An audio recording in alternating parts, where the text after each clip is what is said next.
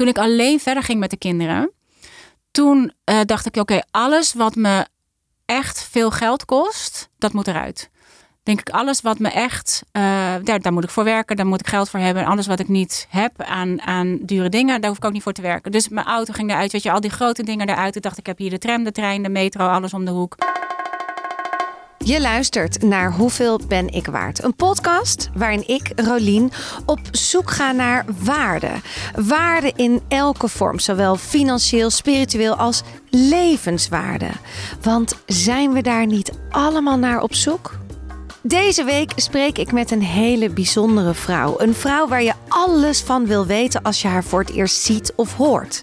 Ze is moeder van inmiddels volwassen kinderen en zelfs trotse oma. De kleinkinderen zijn een van haar grootste inspiratiebronnen. Ik heb het over Lou Niestad. Ze is creatief en weet precies hoe de wet van aantrekking werkt. Sterker nog, ze past het al haar hele leven toe zonder te weten wat de wet precies inhield. Ze creëerde onder andere Pocket Full of Joy, een 28-daagse experiment die je zelf thuis kan doen. Omdat zij namelijk weet en gelooft dat iedereen de wet van aantrekking kan toepassen. Het zit hem namelijk in de joy. Want als je die voelt, kan je alles aantrekken. Lou en ik hebben meer dan 2,5 uur gepraat. En heel eerlijk, ik was nog lang niet uitgepraat. Ik zou een hele podcastserie met Lou kunnen maken. Om de tafel met Lou of de Joy of Lou podcast. Nou ja, voor een andere keer. Voor nu heb ik twee afleveringen voor je. In de eerste aflevering vertelt Lou over haar kids, het ouderschap. Maar natuurlijk ook over de wet van aantrekking en manifesteren.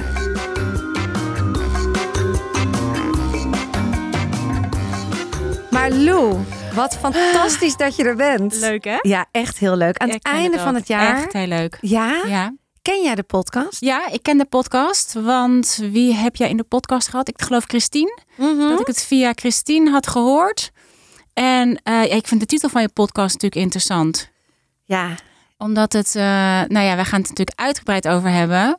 Maar ehm, ja, ik vind dat een heel fijn onderwerp om over te praten. Omdat het volgens mij het meest, meest eh, ongoed begre- minst goed begrepen onderwerp is. Ja.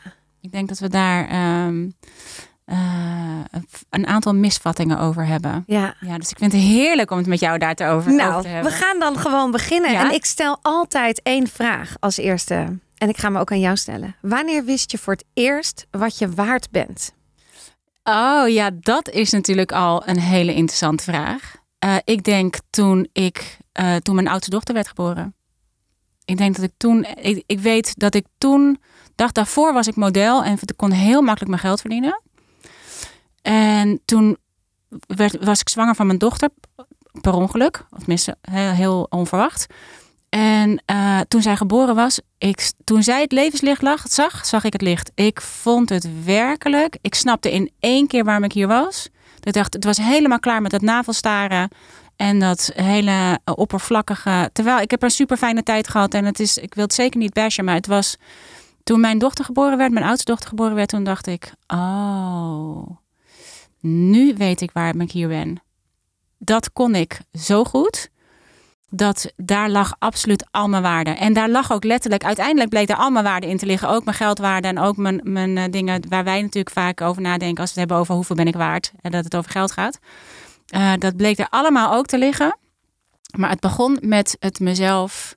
eh, zo, ik kon van mezelf heel goed zien dat ik dat heel goed kon. En dat daar echt mijn talent ineens open gebarsten werd. Doordat ik, nou ja, heel onverwacht moeder werd.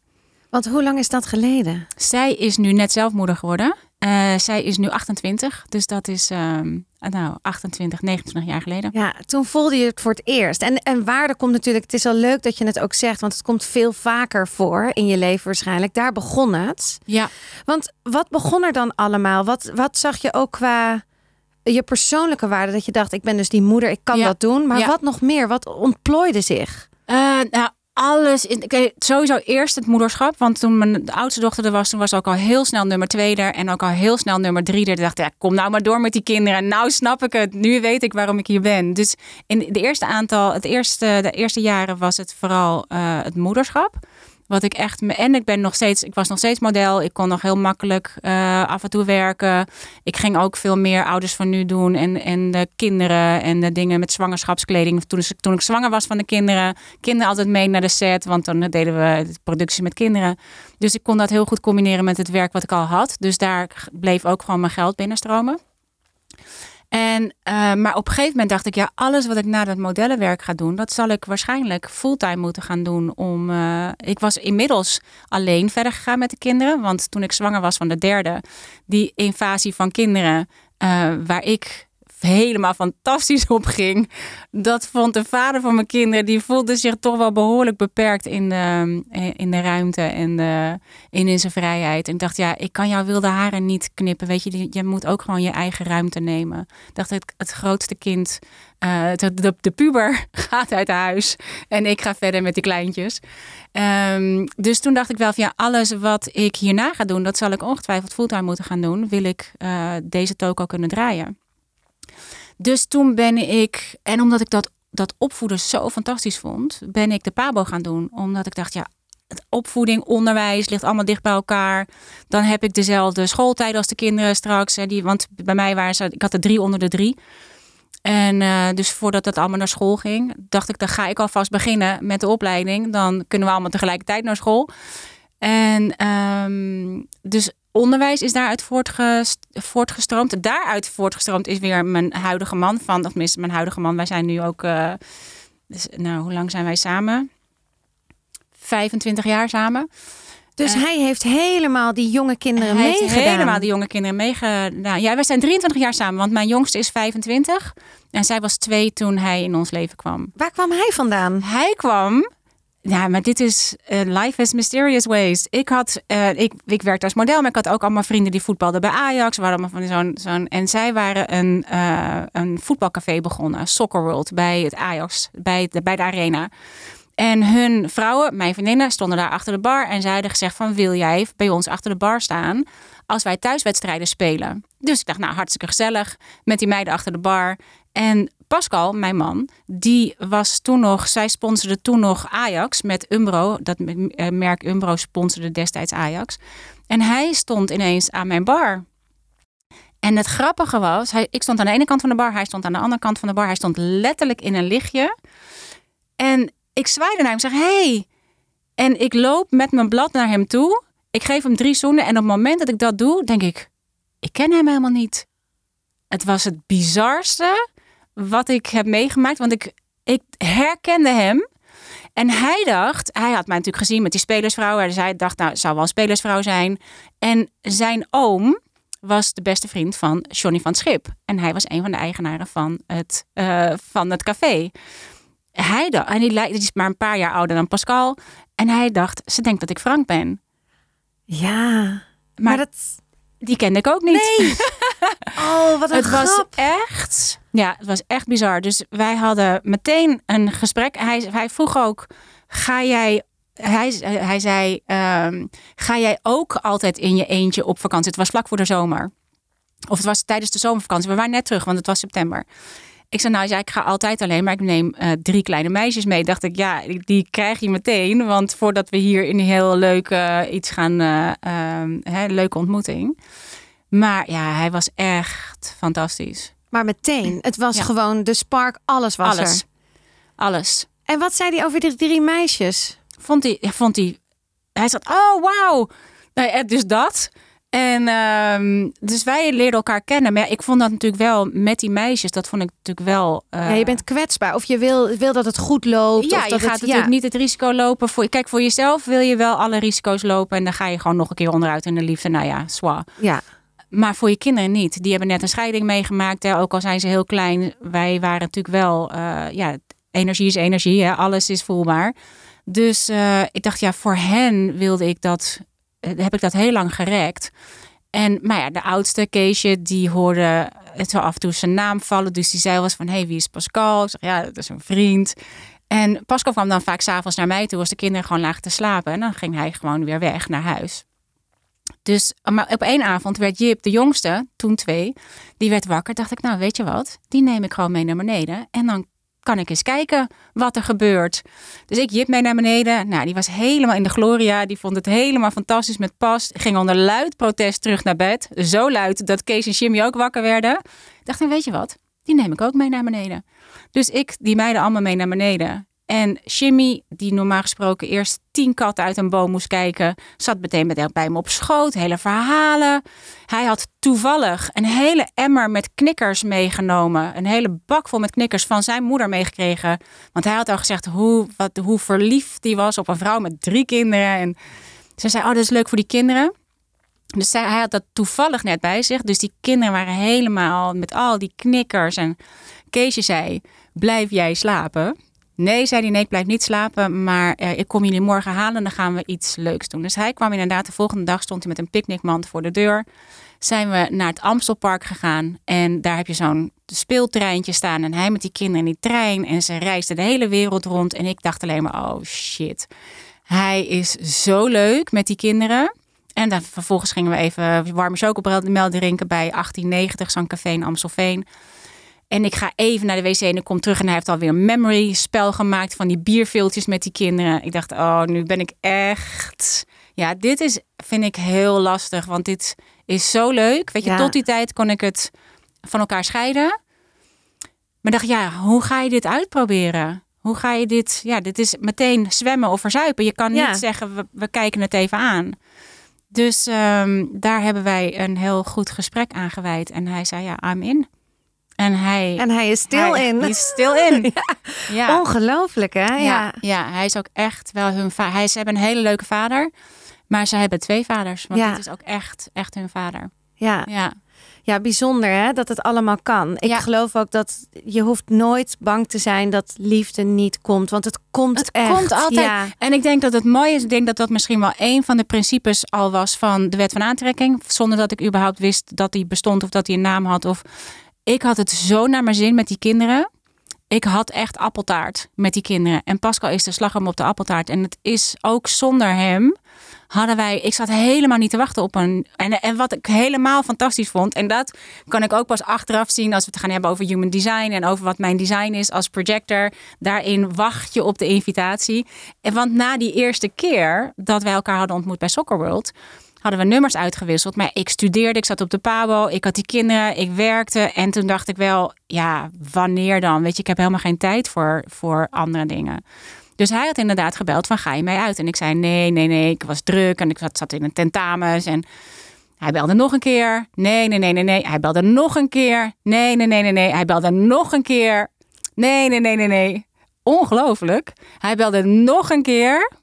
Thank God. Hij zei, Jezus, ik vraag niet of je met me wilt trouwen. Ik vraag gewoon of je een biertje met me gaat drinken. Ik dacht, oh ja, dat kan natuurlijk ook. Ja. Ja. Wat grappig, want dit is precies mijn verhaal. Echt? Ja, nou, ik, heb, ik had niet drie kinderen, maar ik had één kind. En ik was alleenstaande moeder. Ja. En ik heb ook mijn vriend leren kennen op de Gay Pride. En hij, ik stond met, we stonden, er waren twee groepen. En ik stond in de ene groep en zijn neef stond in die andere. En hij kwam iets brengen voor zijn neef. En ik val eigenlijk over het algemeen altijd op Aziaten. En er kwam een hele mooie Indonesische jongen aanlopen. Dus ik dacht, nou, die is leuk. En ik had net mijn kind naar Aalborg gebracht, naar Denemarken. Want daar ging mijn moeder altijd op vakantie en ik moest vliegen. Dus ik was kindloos. En ik stond daar helemaal en ik ben gewoon naar hem toe gelopen. Ik heb hem gezoend. En ik geloof dat ik mijn nummer heb uitgewisseld. En dat was het. En toen is hij de hele tijd mij blijven vragen: wanneer gaan we een wijntje drinken? En toen op het laatst ook: ik, ga, ik vraag je niet ten huwelijk. Oh, echt Precies zo, ja. En daarna stuurde hij een berichtje. Was het Lowlands? Want ik zei na Lowlands wil ik je zien. En toen op Lowlands stuurde hij links voor derde paal uh, Bravo Disclosure. en toen dacht ik, hij, Geweldig, ja, en toen kwam hij aanlopen en toen wist ik het. Toen zei ik, dag knappe jongen. En toen was het verkering. En nou, negen jaar later, twee kinderen verder. Ja, dus nu zijn we met drie boys. verkering aan. Een hartstikke dikke verkering. Ja. En, en ook die... En ik ben projector ook. Dus het oh, is de uitnodiging. Nou, maar serieus. En het zeker op dingen als liefde, als werk. Dat soort dingen. Die komen echt op uitnodiging. Ja, maar ik heb heel, ja, we gaan er echt zo verder op in. Want uitnodiging is, vind ik, een lastige term. Ja. Dus daar wil ik inderdaad zeker met je. Maar dit liefde, inderdaad, wet van aantrekking, alles kwam hier achteraf gezien, dus ook wel samen. Alles kwam hier achteraf samen. Ja. En hij was dus, hij kwam dus op mijn pad terwijl ik het eerste jaar uh, Pabo zat, kwam ik hem, uh, liep ik hem letterlijk tegen het lijf. En um, Dus dat is voortgekomen uit de kinderen, zeg maar, het onderwijs, de liefde. En ehm, pas later, toen ik ervoor wilde, toen wilde ik ook heel graag. Wij, zijn, we hebben samen een huis gekocht. Uh, ergens buiten. Dus kinderen moesten naar een andere school. Een nieuwe man in huis. Weet je, er was heel veel anders voor de kinderen. En toen zei Pascal tegen mij. Ja, tenzij je echt een missie hebt om voor de klas te staan. Zeg maar, als je het lekker zou vinden om gewoon voor je klasje van drie te zorgen. En zegt, ik verdien, ik verdien genoeg voor ons allemaal. Dus als je het lekker zou vinden, zeg, be my guest. En dat ik meteen kon voelen dat ik dacht, oh, dat wil ik. Jij bent homeschooling gaan doen? Ik ben, nee, toen ben ik, wij zijn, oh. nee, de kinderen gingen gewoon naar school. maar hij zei, als je, als je gewoon, ja, dus niet zozeer dat, dat ik letterlijk voor mijn kinderen les ging geven, maar, dat ik gewoon even voor de kinderen ging zorgen en gewoon even thuis was. Ja. Dat vond ik onmiddellijk een, een, heel aantrekkelijk idee. En tegelijkertijd kreeg ik ook onmiddellijk, dat ik dacht, nee, nee, nee, dat kan niet een slimme meid is op haar toekomst voorbereid. Ik ben natuurlijk ook, uh, ik kom uh, uit de jaren zeventig, uh, zeg maar, de, die hele opvatting over, ja, wat natuurlijk ook een, een goede op, op zichzelf, dat je iedereen verantwoordelijk is voor zichzelf, vind ik een heel goed idee. Ja.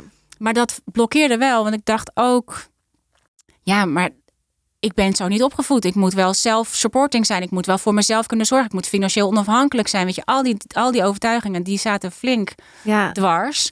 Maar mijn verlangen is eigenlijk, oh, dat lijkt me nou zo lekker om gewoon even met de kinderen te zijn. En gewoon even thuis te zijn en even niet de verantwoordelijke te zijn voor het geld, voor, voor al die dingen. Dus daar heb ik uh, na goed onderzoek bij mezelf en al die beperkte overtuigingen tegen het licht houden. Ik dacht, ja, maar ik wil dit gewoon doen. En dan, dit zijn gewoon overtuigingen die ik heb, maar die hebben niks te maken met wat ik werkelijk wil. En toen ben ik dat gaan doen. En dat het was zalig om gewoon, gewoon moeder te zijn. En gewoon thuis te zijn. En wat er dan gebeurt, want daar vind je ego natuurlijk ook van alles van. Want ja, wat ben ik nu als ik geen model meer ben? Of tenminste, ik werkte nog zo nu en dan, maar vond ik niet zo heel interessant meer om te doen. Uh, als ik geen student ben, als ik geen juf ben, als ik, geen, als ik al die dingen niet ben, wat ben ik dan?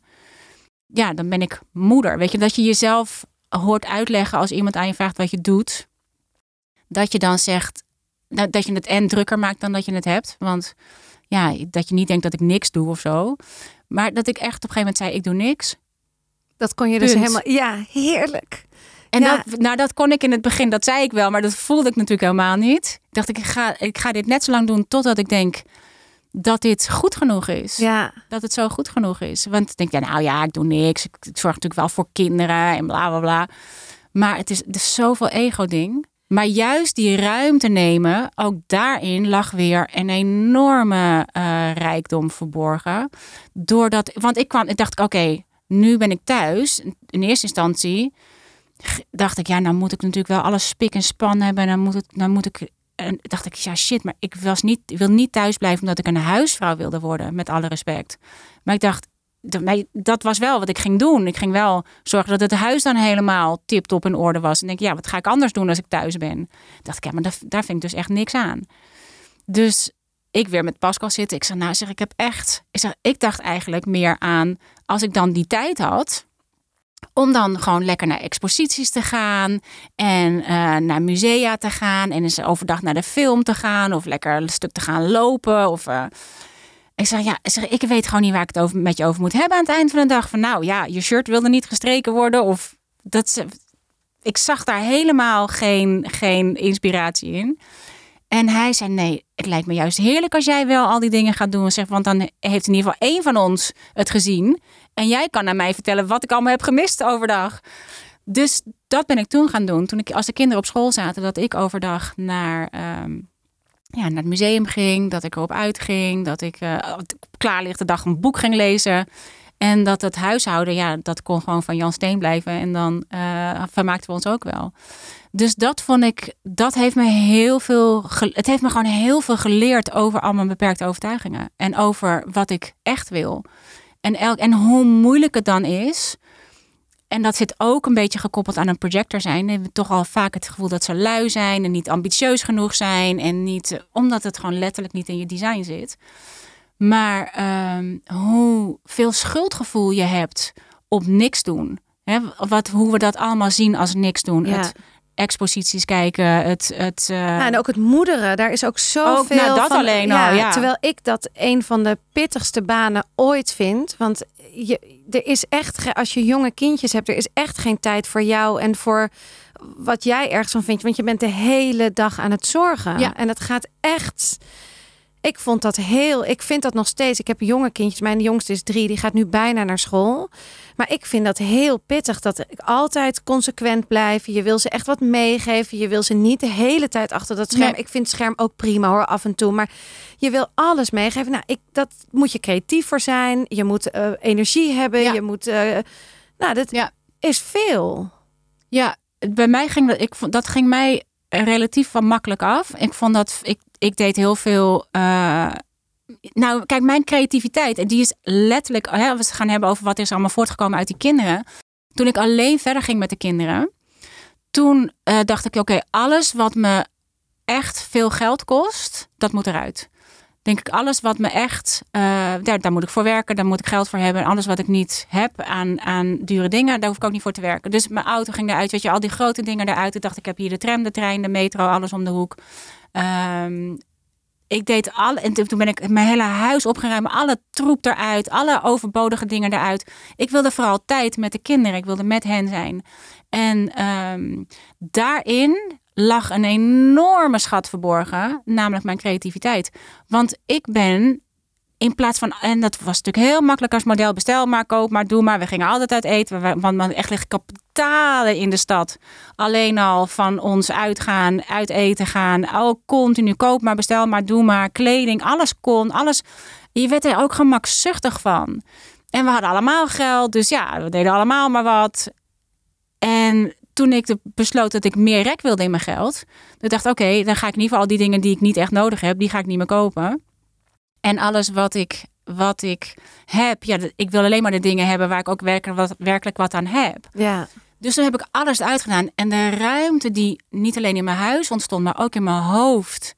En ook uh, in. Is, ik denk sowieso dat gemakzucht een van de, de meest. Uh, ik denk dat we allemaal een beetje gemakzuchtig aan het worden zijn. Alles is zo makkelijk. Alles kan. Je kunt alles bestellen op je telefoon, op je computer. Alles. Het is in een poepende scheet is het bij je Ja. afgeleverd. We worden de, en we kunnen alles. We, we, nou ja, inderdaad, bestel maar, koop maar, doe maar. Ja. Ja, want als we het daarover hebben, om dan meteen even naar het manifesteren, dat is wel eens mijn frustratie met manifesteren. Mijn grootste frustra- frustratie met manifesteren. Denk ik, voor wat? Omdat Ja. het kan. Hoeveel moeten we hebben? En hoeveel heb je nodig? Je hebt zo weinig nodig. Sterker nog, hoe minder je hebt, hoe vrijer je bent, hoe makkelijker geld stroomt. Hoe, eh, het, en maar het allermooiste is, je hebt het niet nodig. Nee. Je hebt het niet meer nodig. En dat maakt, dat geeft zo'n zo'n rijkdom, letterlijk rijkdom. En letterlijk Ja. en figuurlijk. Want het, je hebt het ook allemaal niet nodig. Dus het kan heel makkelijk vloeien naar mensen die het wel nodig hebben. Het kan, heel, het kan veel makkelijker stromen. Ja, want vertel, wat is manifesteren? Wat is de wet van aantrekking? Hoe werkt het? Ik, ik begin het steeds meer te begrijpen, maar ik begin het ook steeds omdat er nu zoveel verhalen soms de ronde Ja. gaan. Ben ik het ook wel eens kwijt? Ja. Nou, ik heb het zelf, en dat vind ik het leuke in mijn geval. Ik heb heel veel van die dingen ontdekt voordat ik wist dat de wet van aantrekking bestond. Maar daardoor kan ik achteraf veel makkelijker zien. Dat ik denk, oh, het werkt echt, want toen en toen en toen. Hè? Want als ik ga kijken naar mezelf, ik ben ondertussen, nadat ik uiteindelijk eh, thuis was gebleven, had ik toch een missie om voor het onder, hè, toch een missie voor het onderwijs. Ben ik wel voor de klas gegaan. Wilde uiteindelijk heb ik allerlei dingen gedaan, plusklassen gedaan en dingen, eh, lesmateriaal gecreëerd. Wilde uiteindelijk toch weer terug naar huis. Want voor mij is altijd de vraag: go big or go home. Home, please. Ik ga altijd terug naar huis. Denk ik, die kinderen die reizen de pan die zaten inmiddels in eindexamenjaren. Ik dacht, ik wil gewoon hierbij zijn. Voor je het weet is het allemaal voorbij. Toen ben ik gaan tekenen en schrijven over, gewoon in mijn agenda, over een simpel leven goed geleefd met die kinderen. En even een heel eh, in een notendop, is dat, zijn dat uiteindelijk mijn boeken geworden. Uiteindelijk ben ik door een uitgever gevraagd om een boek te schrijven over dat maar hoe vond hij jou dan? die vond mij. En daar, dat is waarom altijd alles samenkomt. En al die dingen die je in je leven doet, die hebben allemaal met elkaar te maken. Ook al lijkt het niet. Ik had, ik tekende en schreef in mijn agenda. Dat postte ik op Facebook. Dat was helemaal in het begin van Facebook. Facebook vroeg altijd, wat heb je vandaag gedaan? En ik deelde mijn journalpagina. Omdat ik op Facebook had, was ik ook geconnect met mensen uit de modewereld. Die, waar, mensen waar ik vroeger heel veel mee gewerkt had, die zaten nu op eindredactieplekken. Dus die, uh, op een gegeven moment kreeg ik een mailtje of ik mee wilde doen aan een productie voor de Glamour over ex-modellen met een nieuwe passie. Wil jij meedoen en dan hebben over je tekenen en je schrijven? Nou, hartstikke leuk. Dus ik had die productie gedaan voor de Glamour. En uh, Alice Beijers, degene die mij had geïnterviewd voor uh, The Glamour, die mailde mij twee maanden daarna en zei: Ik ben nu bij Cosmos Uitgevers. Ik ben een uh, recensie aan het schrijven voor een boek van Barbara Thomas. Um, en ik moet zo denken aan jouw werk met illustraties en teksten. Vind je het goed als ik je voorstel aan deze uitgever? Maar ja, helemaal projectorstyle uitgenodigd door de uitgever voor een kennismakingsgesprek. En uh, ik had een heel leuk gesprek met Martine Litjens van uh, Cosmos. En uh, zij zei, ja, ik zou het fantastisch vinden als je een boek wil maken over dat simpele leven goed geleefd. Groot en meeslepend leven, een ode aan dagelijkse sleur, werd vervolgens mijn eerste boek. En daar lag dus ook, en dit is om dat cirkeltje eerst even rond te maken van je eerste vraag. Daar lag dus ook mijn geld. Waarvan ik dacht, elke keer als ik terugging naar huis, waar je ogenschijnlijk niks mee kunt verdienen, kwam daar elke keer iets uit waar ook mijn geld lag. Gewoon puur door elke keer te kiezen voor waar ik het allermeest van houd, van het met mijn kinderen zijn. De inspiratie die dat me oplevert, daar ligt altijd letterlijk geld in daar ligt altijd de volgende stap in voor waar, waar ik ook weer geld mee aantrek. Want je kiest elke keer voor iets wat je het allerliefste wil, zonder dat je gaat nadenken over kan ik mijn geld ermee verdienen? Of hoe moet het dan met geld? Of hoe moet het dan? Dat ligt daarin. Het ligt daarin. En eigenlijk is dat wat de wet van aantrekking zegt. Jij volgt de joy. Wij doen de job. Wij komen met de bijbepassende, bijbehorende job. Jij volgt waar je joy ligt. En daar ligt ook je geld. Daar ligt ook je voldoening. Daar ligt ook je plezier. Want je wil uiteraard dat wat je doet, wil je wel met plezier doen. Want geld verdienen kan, kan je overal. Ja. ja. Het is niet een iets wat je, maar je wil iets doen wat je echt vervulling geeft. Ja. En dat wat je echt vervult, daar ligt ook je geld. En de wet van aantrekking zegt: alles wat je denkt, is wat je in je leven brengt. Dus wat jij denkt, daarmee creëer je, creëer je de wereld om je heen. Dus wat je denkt, is wat je in je leven brengt. Wat je voelt, is daar trek je het mee aan. Het is met je woorden creëer je je wereld. Wat je, het is letterlijk, uh, je creëert letterlijk je eigen wereld om je heen. Dus je, waar jij op focust, dat is wat je ziet. Ja. Dat is wat je krijgt. Maar soms is de focus tegenwoordig, heb ik het gevoel, ja, kijk, je moet ook talent hebben. Ja, als jij dan ziet, als ik dit boekje van jou nu voor me zie, je eerste boekje van Joy. Ja. Nou, dat is gewoon prachtig. Dat wil ik ook. Ja. Maar misschien is dit helemaal niet mijn talent. Maar het was ook niet mijn talent. Nee, het was mijn verlangen. En dat is ook wat, waarom je kunt zien. Want als ik dat ga terugkijken, dat stukje tekenen. Want ik ben niet een tekenaar. Ik was niet zo'n meisje wat altijd zat te tekenen in de klas. Ik zat wel altijd te doelen in mijn agenda's. Ogen te tekenen. Weet je, zo in de, zat ik alles in te knippen en te plakken. Dus eigenlijk echt van die art journals maken. Dat was de voorloper van de art journals. Waren gewoon mijn agenda's. Ik zat altijd op mijn kamer daarin te tekenen. Of niet echt te tekenen. Niet zoals ik nu teken. Maar wel, ik had wel altijd dat verlangen. Ik, had al, ik was altijd, als ik een illustratie ergens zag, dan dacht ik altijd. Oh! Maar ik kon nooit uitademen. Het was iets. Het inspireerde me enorm, maar ik wist niet dat het iets was wat ik kon doen. Maar blijkbaar was het een enorme aanwijzing. Alleen ik zag de, de aanwijzing niet. Ik zag, ik voelde de inspiratie, maar het kwam niet in me op dat het iets was wat je kon doen. En dit is het bizarre ervan.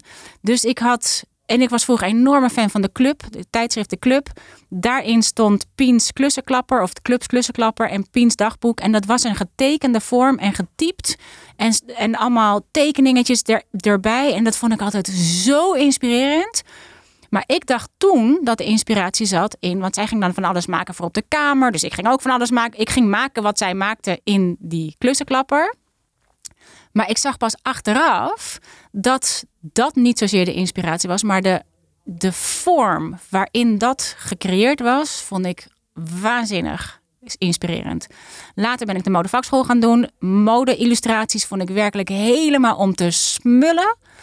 Maar het, ja, wij moesten ook modetekeningen maken. Maar ik zat altijd maar een beetje aan te klooien. Want nou, mensen tekenen, dat is nog steeds niet iets wat ik uh, nu doe. Maar het zat, de inspiratie zat daarin. Dus ik had altijd als ik illustraties zag, werd ik helemaal een soort van. Oh, weet je, dat je gewoon niet wat je weet, wat je met jezelf aan moet. En Maar dan heeft het best wel lang nog geduurd voordat je echt. Lang. maar wat haalt je? Wat heeft je dan al die jaren tegengehouden? Is dat toch een soort angst of die overtuigingen? Of Nou, ik denk in dit geval, want op een gegeven moment zag ik een boekje van Danny Gregory. Dat heette Everyday Matters. En hij had, zijn vrouw was eh, in de metro in New York, voor de metro gevallen, was verlamd geraakt. En hij was een hotshot eh reclameboy daarvoor. Dus nou, die kunnen natuurlijk ook allemaal zo lekker tekenen. Want ook tijdens mijn modellenwerk, die art directors, jongen, die hadden een handschrift en die konden dan zo lekker die, dat allemaal zo tekenen. die grappige blokletters en le- dat ja, zo ik helemaal, helemaal- dat ja, ik dacht, ja. ah, geef me dat, geef me dat. ja. Dus eh, dat had hij natuurlijk ook. Hij had zo'n lekker handschrift. En, eh, en hij is gaan tekenen over zijn leven met zijn vrouw. En dat, een- ze hadden toen nog een, een zoon, was toen nog heel klein. En hij is gewoon zijn dagelijkse dingen gaan tekenen. Everyday Matters. En dat was ook, dat was dus zeg maar uiteindelijk de inspiratiebron van mijn eigen agenda's. Maar daar had ik ook nog steeds, ik dacht, "Ah!" en ik vond het zo inspirerend, want het was eigenlijk net niet heel goed. Het, eh, maar ik hou ervan als dingen niet perfect zijn. Ik hou ervan als dingen, alles moet eigenlijk soort van slightly off zijn. Vind ik het allerleukst. En dat was ook niet echt heel goed, maar het zag er zo lekker uit. Maar het kwam nog niet in me op dat ik het kon doen. En toen had hij, maakte hij een ander boek, The Creative License. En daarin tekende en schreef hij over hoe je het zelf kon doen. En pas toen dat ik dacht: Oh, het is iets wat je kan doen. Het was echt bizar dat het zo lang heeft geduurd voordat ik dacht: Oh, oh, nou, dan ga ik dat proberen. Maar eigenlijk weer die uitnodiging. In dat boek stond de uitnodiging: Ja, jij kan het zelf ook doen. Ja. Dus ga maar doen. Goeie. Ja. Zo had ik het nog niet gezien. Dat was inderdaad, dat was de uitnodiging om het te gaan proberen. En toen heb ik gewoon een pennetjes en, eh, en een verfsetje gekocht. En ben ik dat gaan doen. En je kan het inderdaad gewoon doen. Ja. En het, Ja. is, het is letterlijk een, een. En omdat hij. Zijn werk was ook niet heel goed. Het was niet heel lijkend. Het was wel. Maar ik vond het zo heerlijk. Ja, maar dat is ook de regel toch? 80% is prima, 70% ook. Het hoeft toch niet die 100% Ja, nee. van... Nee, vind Nee. ik ook. In, alle, in al die dingen niet. En ik denk dat dat misschien hè, ook een van de grootste makken is van de hele positieve eh, psychologie, politie overal. Dat het allemaal maar positief moet zijn en we moeten overal. Tuurlijk, je wil. Maar ik denk 51% van de dag is de meerderheid. Het gaat om dat je de meerderheid van je gevoelens positief voelt. Niet zo positief als in, in ehm, eh, dat het allemaal leuk moet zijn, maar dat je je goed voelt in de situatie zoals de situatie is. Dat je het daarin kunt vinden. Ja, En 51% van de dag is genoeg. ja, Dat is de meerderheid. Dus ja. We zijn veel te streng voor onszelf. We nemen onszelf mee, je neemt je omgeving mee. Het hoeft allemaal helemaal niet zo eh, hoogdravend. En, want daar Nee, ligt het. Maar dat is natuurlijk wel soms zo heftig met, het, met toch social media, waar ik zelf gewoon echt het laatste jaar ook tegenaan loop. Dat zichtbaarheid willen zijn, gewoon Ja. de hele tijd. En dan denk je ook, ja, dat is toch wat ik uitstraal. Dus dat is toch, dan moet er toch iets op mijn pad komen. Het is bijna uit angst Mhm. inderdaad de hele dag verkrampt Ja. manifesteren of, of je Ja. leven leven. En daarmee, kijk, je manifesteert niet op wat je, op wat, niet per se op wat je denkt. Je manifesteert op wat je voelt.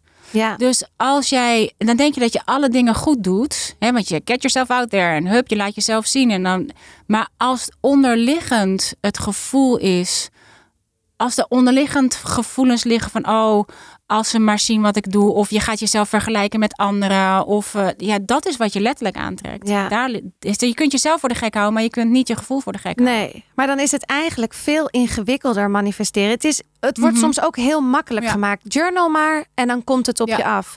Terwijl dat gevoel naar boven halen, daar moet je misschien echt wel een beetje voor werken. Ja. Tijd ervoor nemen om helemaal in dat gevoel te gaan zitten. Ja. Dus er zit echt wel een verschil in hoe het af en toe op je afkomt. Qua wat je allemaal ziet, wat je moet doen. Ja. En Dat, vind ik, dat is wel, vind ik wel in deze tijd lastig. Maar dat komt ook omdat het helemaal verhipt is. Ja. En dat het helemaal... Ja. ja, en wat je. Kijk, en dit vind ik heel interessant. Want ik ben op hele grote events geweest. Met, met veel hele grote, succesvolle mensen. Ook grote, succesvolle sprekers. En ehm, dan zag je ze helemaal aangaan op dat podium. Weet je, dan waren ze helemaal. Dan dacht je, oh ja, ik snap wel waarom je, eh, waarom je zo succesvol bent. Maar zodra ze eraf waren, gingen ze gewoon uit. Zaten ze weer op hun telefoon, waren ze bezig. Denk je op een gegeven moment dit is natuurlijk waar de soort van de tipping point is. Want er zijn heel veel mensen die het niet meer leven. die oorspronkelijk misschien wel heel, heel erg zich daarin uh, hebben kunnen vinden en dat het ze heel veel heeft gebracht. Maar vervolgens trek je al, al die mensen naar je toe. Dus je trekt al, die, al dat werk ook naar je toe. En je, er zit zoveel niet-werk in uh, manifesteren. Het letterlijk mijmeren, tijd nemen, je hoofd leegmaken, je lijf leegmaken, tijd nemen. Want daar trek je het op aan. Ja. Daar trek je het op aan. Dus, en dit is wat je natuurlijk op social media ook heel veel ziet is dat er, kijk, het, het, is natuurlijk inderdaad, het is natuurlijk allemaal hip en happening op dit moment. Dus er zijn heel veel uh, uh, law of attraction uh, teachers en prosperity teachers. We hebben, we hebben ze ook allemaal. En ze zeggen allemaal hetzelfde. Alleen niet iedereen leeft het ook echt. Dus er gaat nog heel veel gaat nog op cognitief niveau. Heel veel is nog op verstandelijk je begrijpt het nog. En op het moment dat het een beetje gaat lopen. Kijk, en dit is op een gegeven moment kom je op een soort van tilting point. Dat je, ja, als je maar hard genoeg schreeuwt of als je maar hard genoeg gaat. En een ander die, die ziet jou, hè, want je, we laten alleen die kanten zien van onszelf op social. Dus de ander ziet dat en denkt, ja, kijk, dat zie je toch. Dus het is inderdaad heel succesvol. Dus dat groeit, dat groeit, dat groeit. Dan kom je op een gegeven moment op een tilting point. Maar dan groeit het niet omdat het op de wet van aantrekking gaat. Het gaat om de wet van actie. Ja. Het is gewoon actie wat je doet. En ja. het is gewoon nog steeds pushen. Het is nog steeds op, uh, uh, op streven. En daar kan je absoluut op manifesteren. Ja. Maar dat is niet met de wet van aantrekking. Dat is gewoon pushen. Ja. Ja, ik vind het heel interessant hoe dat allemaal werkt hoor. En ook wel ingewikkeld nog. Omdat ik, ik denk dat ik iets de laatste tijd iets te veel informatie heb gekregen over manifesteren. Ja. En dat ik nu, nu is het, je kan heel veel informatie krijgen, maar nu moet je het ook gaan toepassen. Dat dus is nu is het tijd om naar binnen te keren. Dat en, is het. Ja. Want zo ben ik uh, op. Ik was ook ik hou ook van al die informatie. Dus ik was ook echt een. Maar ik was wel echt een junkie geworden. Een soort van self-help junkie. Weet je, dan had ik al die boeken en die, die verslond ik echt. En het was meer speedreaden. En dan dacht ik, ja, de, al die opdrachten die erbij zitten, die moet je dus doen. Dat ja. is de bedoeling. Ja, die deed je niet. Nee, want ik was dacht, nee, nee, ga ik wel even snel dit lezen. En dan ga ik het daarna rustig nog een keer lezen. En dan ga ik de opdrachten doen. Alleen, dan had je ook in het dankwoord alweer gelezen wat iedereen zijn, zijn uh, eigen inspiratiebronnen waren. En hup, ik was alweer bij mijn dealer bol.com, amazon.com, volgende boek. Of dus hoeft het maar in het begin hoeft er maar iemand iets te zeggen over iemand anders. Ja. En uh, dus het zou je ook zien hier. Danny Gregory wordt gegoogeld. Voor je het weet zijn, is, zijn mensen hier alweer weg met uh, luisteren. Denk, oh, ik moet snel ja. even Danny Gregory. Oh ja, tekenen. Oh ja. ja. En ja. weg ben je weer. Want we, zo worden we natuurlijk continu getriggerd. Ja. Maar dat deed ik ook de hele tijd. Ik heb denk ik nu zeker twaalf boeken thuis staan. Die ik echt allemaal heel graag wil lezen. Ja. Maar ik, ik, ik, en ik lees het ook steeds in tien bladzijden. En de volgende en de volgende. We hebben gewoon de rust niet meer om het te doen. Maar dat is in diezelfde uh, soort van frantic energie die we hebben daar kan je alleen maar meer frantic dingen op aantrekken. Wat dus zijn frantic dingen? Frantic is, wij noemen dat um, uh, ja, een beetje zo'n hele onrustige. Ja, dus je trekt alleen energie. maar meer onrust ja. aan. Ja, Want absoluut. je trekt aan wat je uitzendt. Ja, en het moet ook meer, meer, meer. Ik wil bijna die. Ik heb, heb helemaal niks met auto's, maar ik wil bijna ook een Porsche. Ja, ja gewoon omdat het, omdat het kan toch? Zo wordt het me een beetje zo dat gevoel krijg ik van het. We hebben toch overvloed. Het kan toch allemaal. ja. Terwijl ik ook denk, ja, jeetje, ik kom steeds meer van wat is nou, want dat vind ik ook. Ik kreeg, ik kreeg nog wat vragen van mensen, ga ik later ja. nog even op in. Maar oh, eentje vond ik heel mooi, ja. en dat was de vraag, een vraag aan jou van Lou, wat versta jij nou eigenlijk onder waarde? Wat is waarde voor jou? Oh, dat vind ik ook een hele leuke vraag. Wat is waarde voor mij? Ik denk. Um,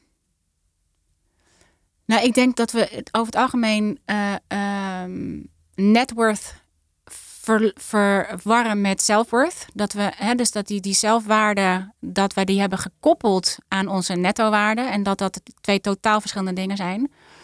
Uh, waarde voor mij is, nou, ik denk sowieso als het waar, als waarheid voelt voor mij, is dat het waar voelt dat ik denk, oké, ik ben echt aan het doen wat ik wil versus wat ik denk dat ik zou moeten willen. Uh, het, is een, het is een gevoel van voldoening, het is een gevoel van um, Maar ik vind het eigenlijk best een hele lastige vraag. Lastige vraag, Wat zou, jij, wat zou jij zeggen? Nou, weet je wat? wat ik, ik heb, heb, voor mij is het een makkelijkere vraag, want ik ben Ja. er zoveel mee bezig. Ehm, eh, tuurlijk, je waarde. Wat, wat voor mij bijvoorbeeld een voorbeeld van hele grote waarde is, is dat ik mijn kinderen biologisch eten kan geven. oh, dat zo. is voor Ja. mij een hele grote waarde. Wij eten wel vlees, maar wij eten het eh, echt. Ik haal het nooit bij de Albert Heijn. Of, of bij welke supermarkt dan ook. Omdat dat gewoon, dat gaat tegen mijn waarde in. Ah, ik- als is wij- waarde meer als in value. Bijvoorbeeld. En eh, dat, dus dat is een, een waarde die ik heel. Wij zijn lid van de Odin. Dat is een coöperatie. Nou, ik ben altijd als ik daar. Het is wel iets duurder, maar als je lid bent, dan is het veel goedkoper. Dat ik kan dan boodschappen doen en dan voel ik me echt in de kern. Ja. Een Oh, waardig iemand. Mooi. Ik kan dan, ik, wij krijgen, vandaag haal ik hem weer op, is een groentepakket. Dan weet ik voor 16 euro, dan weet ik niet wat erin zit. Het is allemaal van lokale boeren. En het is tegenwoordig wel in de winter altijd peen of kool. Mhm. Dus ik word heel creatief met die twee. Maar ik, ik kan dan echt koken en denken: wauw, dit heeft de natuur mij gegeven. Ik ga iets voor mijn kinderen maken. Dat vind ik een stroom van waarde. Mooi. Dus Heel dat mooi. vind ik waarde. Maar als ik het over mezelf heb, vind ik het veel moeilijker. Want wat ben ik waard? Of wat is mijn waarde voor de maatschappij? Nou, ik vind wat ik nu doe waarde. Mhm. Uh, maar dat vo- voelt ook heel erg dat we dat met elkaar doen. Ik heb luisteraars nodig die luisteren, Ja. dus dat is mijn waarde. Ik heb gasten nodig, dat is mijn grote waarde. Het is dat ik het durf te doen, is waar. Dus dat Mhm. is ook dat, dat vind ik ook waar. Ja, zo heb je dus heel veel Ja. waardes Ja. in het leven. Ja, Maar de, dan zou ik Ja. zeggen, voor mij, want als ik waarde ga koppelen zeg maar, aan values, zoals je het in het Engels zegt, zeg maar, dat, Ja. dat je- wat, je- wat je valued, ik denk Ja. dat ik het dan, dan, ga, dan gaat het altijd over mijn kinderen en mijn kleinkinderen. De tijd en de energie met hen zijn, het leven met hen leven. Eh, en dit is wel, dus daarom is het wel een, echt dan ook een hele goede vraag, omdat ik denk, als je weet wat je hoogste waarde is in die zin, dan kan je heel makkelijk zien of je het ook leeft. Want ik hoef dan alleen maar de keuze te maken. En ik, ik noem me meestal een had ik maar keuze. Als ik, hè, we weten inmiddels allemaal de verhalen van mensen die op hun sterfbed liggen. Die denken massaal, had ik maar meer tijd gehad met mijn kinderen. Had ik maar eh, meer liefde gegeven. Niemand denkt, had ik maar meer succes gehad. Had ik maar Nee. meer geld. Niemand. Dus hè, voor mij is het dat het zo'n had ik maar. Als ik op een keuze sta, denk ik, oké, wordt dit een had ik maar? Want die ligt namelijk gekoppeld aan mijn hoogste waarde. En mijn kinderen. En mijn, de tijd met mijn kinderen en mijn Ja. kleinkinderen. wat Dus- is daar zo belangrijk voor jou aan? Nou, omdat ze mij het allermeeste plezier geven. Dat is wat ik. Het, zij zijn mijn. eh, al- omdat voor mij ligt alles daar. Het, ik doe, en dat heb ik ook. Ik, niet, het, is niet voor, het is niet eens zozeer voor de kinderen, het is voor mij. Daarin ligt mijn. Daarvan weet ik dat het geen had ik maar wordt. Dat ik denk, oké, ik heb het gedaan. Ik heb mijn waarde zes, zoals jij je voelt als je die biologische dingen koopt. Ja. Dat je denkt dat je je letterlijk een waardig persoon voelt dat je denkt, dit was een, een heel goed besteden dag. Dit was een, een, een. Ik heb het niet laten liggen. Ik heb, mijn, ik heb mijn waarde. Ik heb me ook volgens mijn waarde gedragen. En ik heb me naar mijn waarde geleefd. En ik denk dat dat een hele belangrijke is. En voor mij, voor mij ligt alles daar. Het ligt in de kinderen, het ligt in de kleinkinderen, het ligt in de. ehm, ja, de, het is die hele kleine inner circle. Ja, dat is gewoon, als ik, als ik namelijk daar niet bewust van ben, dan stap ik daar heel makkelijk overheen. Dan kan je heel inspirerend zijn voor heel veel mensen, super cool.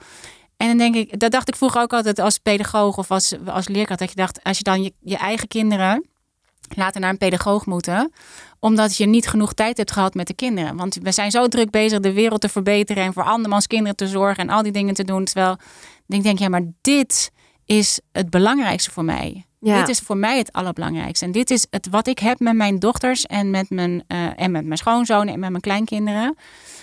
Ja, dat is zo, dat is zo waardevol. Ja. Zo, überhaupt de relatie die wij met elkaar hebben is gewoon is heel waardevol. Maar het lijkt ook bij jou dat dat opvoeden gewoon heel makkelijk. Ja. Nou, ja, dat is heel makkelijk gegaan. Dat, Maar ik moet denken, kijk, toen mijn kinderen klein waren, toen hadden we niet alle social media, hadden we niet alle dingen. Je had echt, wij zijn nu zo versplinterd geraakt. We zijn, ook als we met de kinderen zijn, zijn we niet altijd met Ja. de kinderen. Want we zijn met ons ik. hoofd ergens anders. ja, We zijn met schaam me. Ja. Ja, maar dat is, kijk, de wet van aantrekking, die trekt gewoon aan al die dingen. Het Ja. is, dit is waarom ik weer gestopt ben met social media, omdat ik, ik dacht, ik vind dat het gewoon niet waard. Ik vind dat het is fantastisch als daardoor mijn boeken beter verkopen of als daardoor mijn courses vol zitten. Allemaal echt, ik vind het super cool.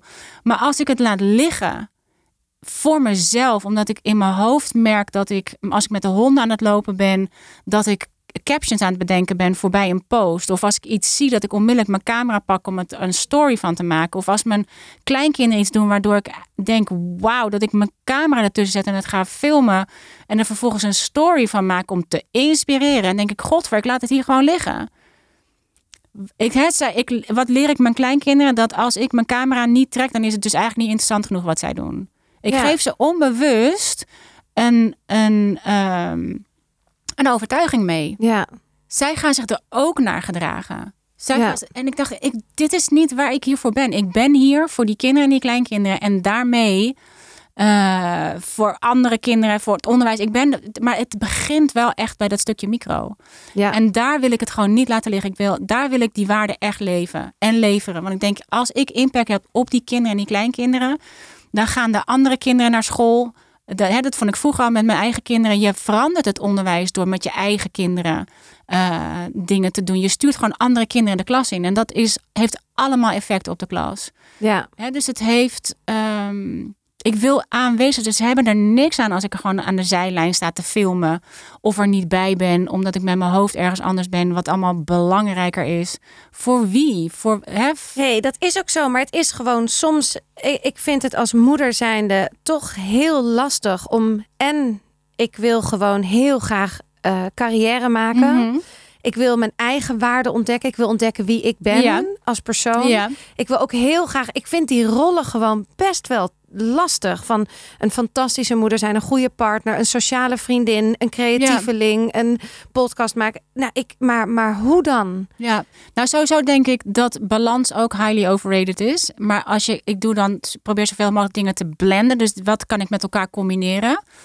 En um, waarvan ik, want ik weet toen mijn kleinkinderen kwamen, toen vond ik dat in het begin ook uh, lastig. Dat ik, wauw. En ik deed het vroeger in mijn eentje met drie kinderen onder de drie. Een soort van, voor mijn gevoel, toch met twee vingers in mijn neus. En nu denk ik ook, huh? Mijn eigen kinderen die nu weer kinderen hebben, die denken ook, mam, hoe dan?